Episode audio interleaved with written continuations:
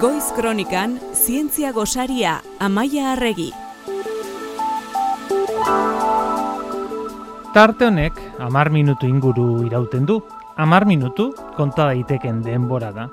Baina berdina ote da denbora hori hemen eta espazioan, Googleen kolpean gehiengoak baietz esango genuke logikari jarraituz, baina Albert Einsteinek logika guztien aurka bestelako erantzuna eman zigun duela mende pasa. Gaur, gogoratzen, saiatuko garen lezioa. Hobesan da, lan hori hartuko du amai arregi Donostia International Physics Centerreko zientzialari eta komunikazio teknikariak kaixo amaia urte berrion. Kaixo, egun hori igotz. Interestelar, denboraren erlatibitatea eta gravitazio uinak izen hori jarri diozu gaurko tarteari izan ere, Interestelar, 2000 amalauan, zientzia fiziozko pelikula bat izan zen, eta itzaki hori hartuta etorri zara gaur, ezta? Bai, Interestelar pelikula fizikari ontzat izan zen momentu polite bat, oso gustora joan ginen denok ikuste pelikula hori, ni nire e, fizikako lankideekin. Asko gustatzen egun eske gauza da Kip Thorne astrofizikaria eta Nobel saria dela e, pelikula honen aholkularia. Orduan, bueno, ba, fizikaren legei buelta asko manzizkioten eta oso ondo adirazia daude eta iruditzen zait, bueno, ba, itzakia oso polita dela gaur erlatibitate orokorrari buruz hitz egiteko, zeren claro, horrela esaten bali jendeak ja aldatu ingo du Oso interesantea da gaur kontatuko dugu. Baina eh? interestelarren oso ondo esplikatzen da eta eta erresa da ulertzeko, osea, fenomeno moduan. Bai, pelikularen abiapuntua esplikatuko dugu hasieran, pelikula zer den, Bai. ze inorki ikusi nahi badu. Pelikularen abia puntuan lehorte izugarri baten ondorioz gure espeziaren biziraupenerako arazo larriak ditu gure planeta lurrak. Horregatik protagonistak espazioan bidaiatu behar du, beste astronauta batzuekin batera, gargantua izeneko zulo beltz baten inguruan dauden hiru planeta e, aztertzeko. Ba, kolonizatu daitezken jakin nahi dute, hau da, bizigarriak diren Bai. edo ez. Bitxia badirudi ere, bidaiari astronautentzat denbora polikiago pasatzen da lurrean baino. Baina zergatik gertatzen da, ez? Denbora polikiago pasatzen da, espazioan hor zulo ez baten inguruan dabiltzanentzat lur planeta baino eta zuk jaurreratu diguzu hori fizikari bat garrantzitsu batek aurkatuta zegoela pelikulan da beraz hori horrela dela. Bai. Hori horrela da alde batetik abiaduraren eragina dago, ez? Bai, bi fenomeno daude. Alde batetik abiadura, hau da espazientza baldin badago bidaiatzen, lurrarekiko abiadura konkretu bat duelako, e, batipat e, argiaren abiaduretara gerturatzen denean, ba, fenomen hori ikusgarria izango da. Albert Einstein mila beratzen da bosten argitaratutako erlatibitate berezian azaltzen da, eta lurraren eta espazioantziren arteko abiadura erlatiboaren eraginez gertatzen da fenomeno hau.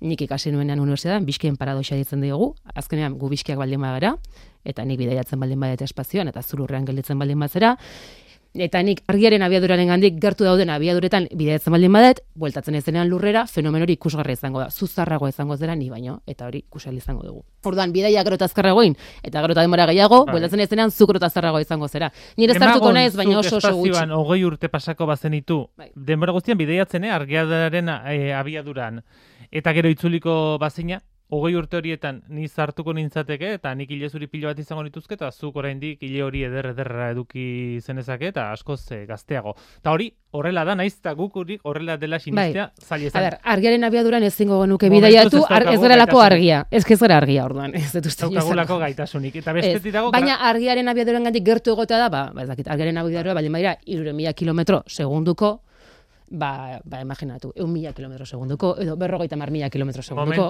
Hori da gertu dago. oso urruti dago. Eta bestetik gravitatearen eragina. Ez Bai. talde batetik abiadura eta bestetik gravitatea dago. Bai, pelikulan denboraren dilatazioaren inguruan beste fenomeno bat ikusten dugu. E, mil herri izeneko lehendabiziko planetara heltzen direnean, bos, bueno, esploratu, esploratu nahi duten pelikula hau, dilatazio izugarria jasaten du denborak. Hau da, denbora eh, han beste abiadura, abiadura batean gertatzen da eta planeta berri honen gainazalean ordu bete igarotzen duten bitartean lurrean zazpi urte pasatzen dira, osea, esagerazio bat. Han ordu bete dauden bitartean lurrean zazpi urte pasatzen dira. Kasu honetan, denboraren dilatazio erraldoi hori eremu gravitatorio bortitzei zortzaio. Zergatik, ba, Miller planeta hau gargantua zulo beltzetik oso gertu dagotean gravitazioaren eragina izugarria delako bertan. Zulo beltza oso masiboa delako eta izugarrizko gravitazioa daukalako. Zenbat eta gravitate indar handiagoa, denbora orduan eta polikiago beraz. Bai, osea, berez, zu torre baten punta baldin baldin bazaude eta ni lurrean baldin banago, niretzako berez, denbora polikiago pasako. da. Bakarrik ez dela sumatzen. Claro, hori da, ez dugu sonatzen fenomeno hori, ba, gure artean ezin dugu ikusi, baina gero ja, ba, energia eta gravitate askoz ere handiagoekin, ba, orduan bai ikusten dira. Eta gravitatearen aldagaiare Einsteinek esan zuen. Bai, claro, eh, esan dugu mi, e, mila beratzen da bostean, erlatitate berezia plazaratu zuela, eta ja, amai, mila beratzen da bostean, e, orokortu zuen, erlatibitatearen teoria orokorrean. Orduan, alde batetik erlatibitatea berezia bere gain hartzen du, eta gero Newtonen gravitazio legeak ere osatu zituen. Eta horri ikusten dugu, ba, esan duguna, eremu gravitatorio handiek denbora geldiarazten dutela. Hau frogatuta dago jada, hau da, frogatu aldezakegu denbora motelago doala abiadura eta gravitatearen eraginez, ez daukagunean, ez argiodaren abiaduran bideiatzeko gaitasunik, edo zulo beltzetara ere oraindik izakiak gerturatu ez denean. Bai, adibidez, orain, e, nazioarteko espazio estazioaren kasuan, e, planetaren inguruan biraka dabil oso azkar, ez da bil argiaren abiaduran, baina oso azkar, egunero amasei bira ematen dizkio e, lurrari, bere orbitan, ba bertan ikus dezakegu 6 hilabete ondoren, bertan dagoen erlojua atzeratu egingo dela 0,00 zazpi segundu. Vale. Oso Yeah. gutxi irudituko zaizue, baina hori oso fro, frogagarri bat da, hori horrela dela. Osea, eta Bai, bai. punto. 0,00 zazpi segundu, 6 hilabetero jada, eh, motelago doala nazioarteko espazio estazioan eh, lur planeta baino. Stephen Bai. Hawkingek txiste bat egiten zuen. Bai. Egazkinan etenik gabe ibiliko Bai. bazina zure bizitza osoan, azkenan lortuko zenukela segundu bat edo bi edo motelago joatea, baina egazkinan ematen duten janariarekin eh, okerrago edo zarrago amaiteko zenukela. hori, hori entzunion gai honen inguruan. Gravitazio... Ez edun ez dago, Bai. ona. Baina esan egun zene baita, Bai, e, gravitazioaren eragina ere frogatu dagoela, baina horri buruz ez dugu hitz egingo esperimentu horiek benetan komplexuak dialako. Ados. Giarekin indako komplexuak. Así que, Gravitazio ginen inguruan ere hitz egin nahi diguzu, ezta? Bai, gravitazio uinak. Bueno, ba, Einsteinen teoriak ere baditu implikazioak astrofizikan, beste fenomeno batzuen artean, ba, zulo beltzen eta gravitazio uinen iragarpena egin zuen, eta noski biak agertzen dira Interstellar pelikulan. Esan dugu Kip Thorne, e, aholkulari zientifikoa izan zuela, eta Kip Thornek 2017an Nobel saria jaso zuen gravitazio guinen detekzioagatik, e, identifikazioagatik. Orduan, pelikulan sartu zituen gravitazio guinak existitzen zirela jakin baino lehen, bale? Ene. Einsteinen arabera, e, espazio denbora egun bat bezala adieraz daiteke unibersoan. Hau da, elkar egiten dute lau dimentsio bezala, bakigu espazio hiru dimentsio direla, denbora da laugarrena. Orduan, e, espazio denbora ja batera da. Ja ez da espazioa eta denbora baizik eta espazio denbora. Dena bat batera e, bezala e, e, proposatzen du. Orduan, eun horren gainean jartzen baldin baditugu planeta, zuk imaginatu mai baten gainean daukazuela eun hori, espazio denbora, eta gainean planetak eta oso masiboak diren, unibertsoko izakiak jartzen ditugula, ba, zulo beltzak eta abar. Bueno, ba, orduan ikusiko deguna da, horren inguruan, e, eun hori amildu egingo dela nola baitez. Azkenean, e, gravitazio handia dagoenean, pues, e, korputz masibo horien inguruan e, legeak aldatu egiten direlako, esplikatu dugun bezala. Ba, espazio denbora egun horretan posiblea da uinak zabaltzea ere. E, urrazalean, harri bat botaz, gero uinak gainazalean zabaltzen diren bezala. Baina kasu honetan, ba, ez da olatu bat e, zabalduko, baizik eta kasu honetan, espazio denboraren perturbazio bat da zabalduko dena unibersoan zehar. E, eta hori da gravitazio uina, bai? Eta zuk eh, lehen esan duzun bezala, gravitazio ginen atzematea edo detekzioa pelikularen ondoren egin zen. Bai. Duela zazpi urte, 2008an, ez? Bai, hau da, aurreikusiak zeuden, teorikoki, baina oraindik ezen lortu detektatzea gravitazio guinik.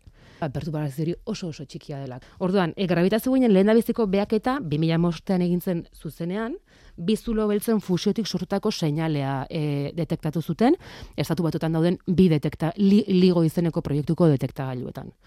Zergatik, ba, oso bortitzak diren e, gertarak e, e, izan Izan behar dutelako e, alako win bat zabaldu dadin. Orduan esan dugun bezala, 2017an Nobel saria jaso zuten Rainer Wers, Kip Thorne, eta e, barri bari astrofizikariek, eta azken hau, 2019an, Nostia International Physics Centerrek antolatutako e, Passion for Knowledge jaialdean egon zen, eta hitzaldi bat eman zuen gai honen inguruan, hau da gravitazio gainen uinen inguruan, bai Donostian eta bai Bilbon. Eta unibertsuaren mezulari berri ez ere hitz egin nahi diguzu. Karo, eske orain arte astrofizikariek zer erabiltzen zuten e, unibersoa behatzeko argia espektroko e, atal guztietan, ez? Ba, mikroguinak, irratiguinak, ekizizpiak, argi ikuskorra eta abar. Adibidez, soinua ezin dugu erabili, zeren soinua ez da ez da edatzen espazioan. E, bestela, imaginatzen dut edatuko baliz denbora gozean ez da entzuten egongo ginatekela. Eta ez, zeren e, utxean e, soinuak ezin du e, edatu, e, medio bat behar du edatu alizateko. Eta utxean ezin du. Argiak berriz bai. Eta gravitazio guinek ere bai. Eta orduan orain ja, seinale mota berri hau daukagu, eta honek informazio berri bat emango digu unibersoaren inguruan. Ze informazio mota, ba, esan dugun bezala, gertara oso bortitzak direnez, ba, gertara bortitzen inguruko informazioa. Ba, izter sistema bitarrak dituzten nanozuriak, neutroizarrak, edo eta zulo beltzak, eta supernovak, edo eta Big Bangaren ondoren unibertso primitiboa eratzea bezalako gertaerak. Ari nintzen pentsatzen, lehen aipatu duzuzu, Kip Thornek eh, gravitazio uinak aurreikusi zituela gertatu edo at, gertatu edo guk atzeman aurretik, ze gertatu noski gertatzen ziren lehenago ere, baina Einsteinek bai izan zuela aurre ikusteko Bai. gaitasuna handia, duela Bai. mende pasa hau esatea, e, orain guk frogatuta eman dezakegun hau esatea, e, bada hor, eh, burmuinean. Ze zerbait. zuruditzen hori sormenaren Bai, bai, eh, bai, bai. adibide gar, Bai, bai. eh, eh, Egia ez da. dakit, supremo esango nuke Bai, bai, pixkat horrela pedante jarrez, baina jo, eskiruditzen zait. Pertsona horrek zeukan sormen gaitasuna izugarria dela. Eta asmatu, bete-betean gainera. Amaitzeko, e, zinema eta zientziaz lengua astean hitz egin genuen ideia mujikarekin, e, Bai. ziklo horri buruzko aipamena datozen egunetan, Hori da, bueno, badak ez dute aurten, e, hiri desberdinetan egongo gerala, orduan mobidik izango da urrengo proiektzioa, eta Juan Ignacio Pérez, e, biologoa eta katedra, kultura zientifikoko katedrako zuzendari izango dugu aurkezle bezala, sei interesgarria izango da ziur, ostegunean artiumen, ostialean tabakaleran, larun batean arte derren museoan, eta urrengo astean golen zimenetan iruinen, así que toki guztetan. hogeita zazpi ostegunean hasita, Artium, Tabakalera, Arte Derre Museoa eta Golem zinemak igaroko dituzuela urrengo egunetan. Bai, Eta surfa eta zientzia ere bai? Bai, proiektu hau martxan jarri dugu, zientzia. Mhm. e, Donostia Kultura eta Kultura Zientifikoko katedrarekin batera, eta eta datorren astean, e, urdarrilaren hogeita zeian, okendo kulturetxean, olatu baten historia, izeneko hitzaldia emango dute, Maia Garzia Berniori fizikaria, bera dipizeko fizikaria da, eta kepazero surflari famatuak. Gerturatu ezin daitekenak, jarraitu izango du gaina EITB Kosmos kanalean, así que badakizut. Ba, onaino gure denbora, gure denborak e, iraunduena iraundu, luze egin bazaizue, ez da gravitatearen gatik edo abiaduragatik izango guk asmatu dugulako edo ez, hori izango da. Kontua, datorren astean berriro saiatuko gara, maia, datorren astean arte. Oso ondo, mila eskerri gotz.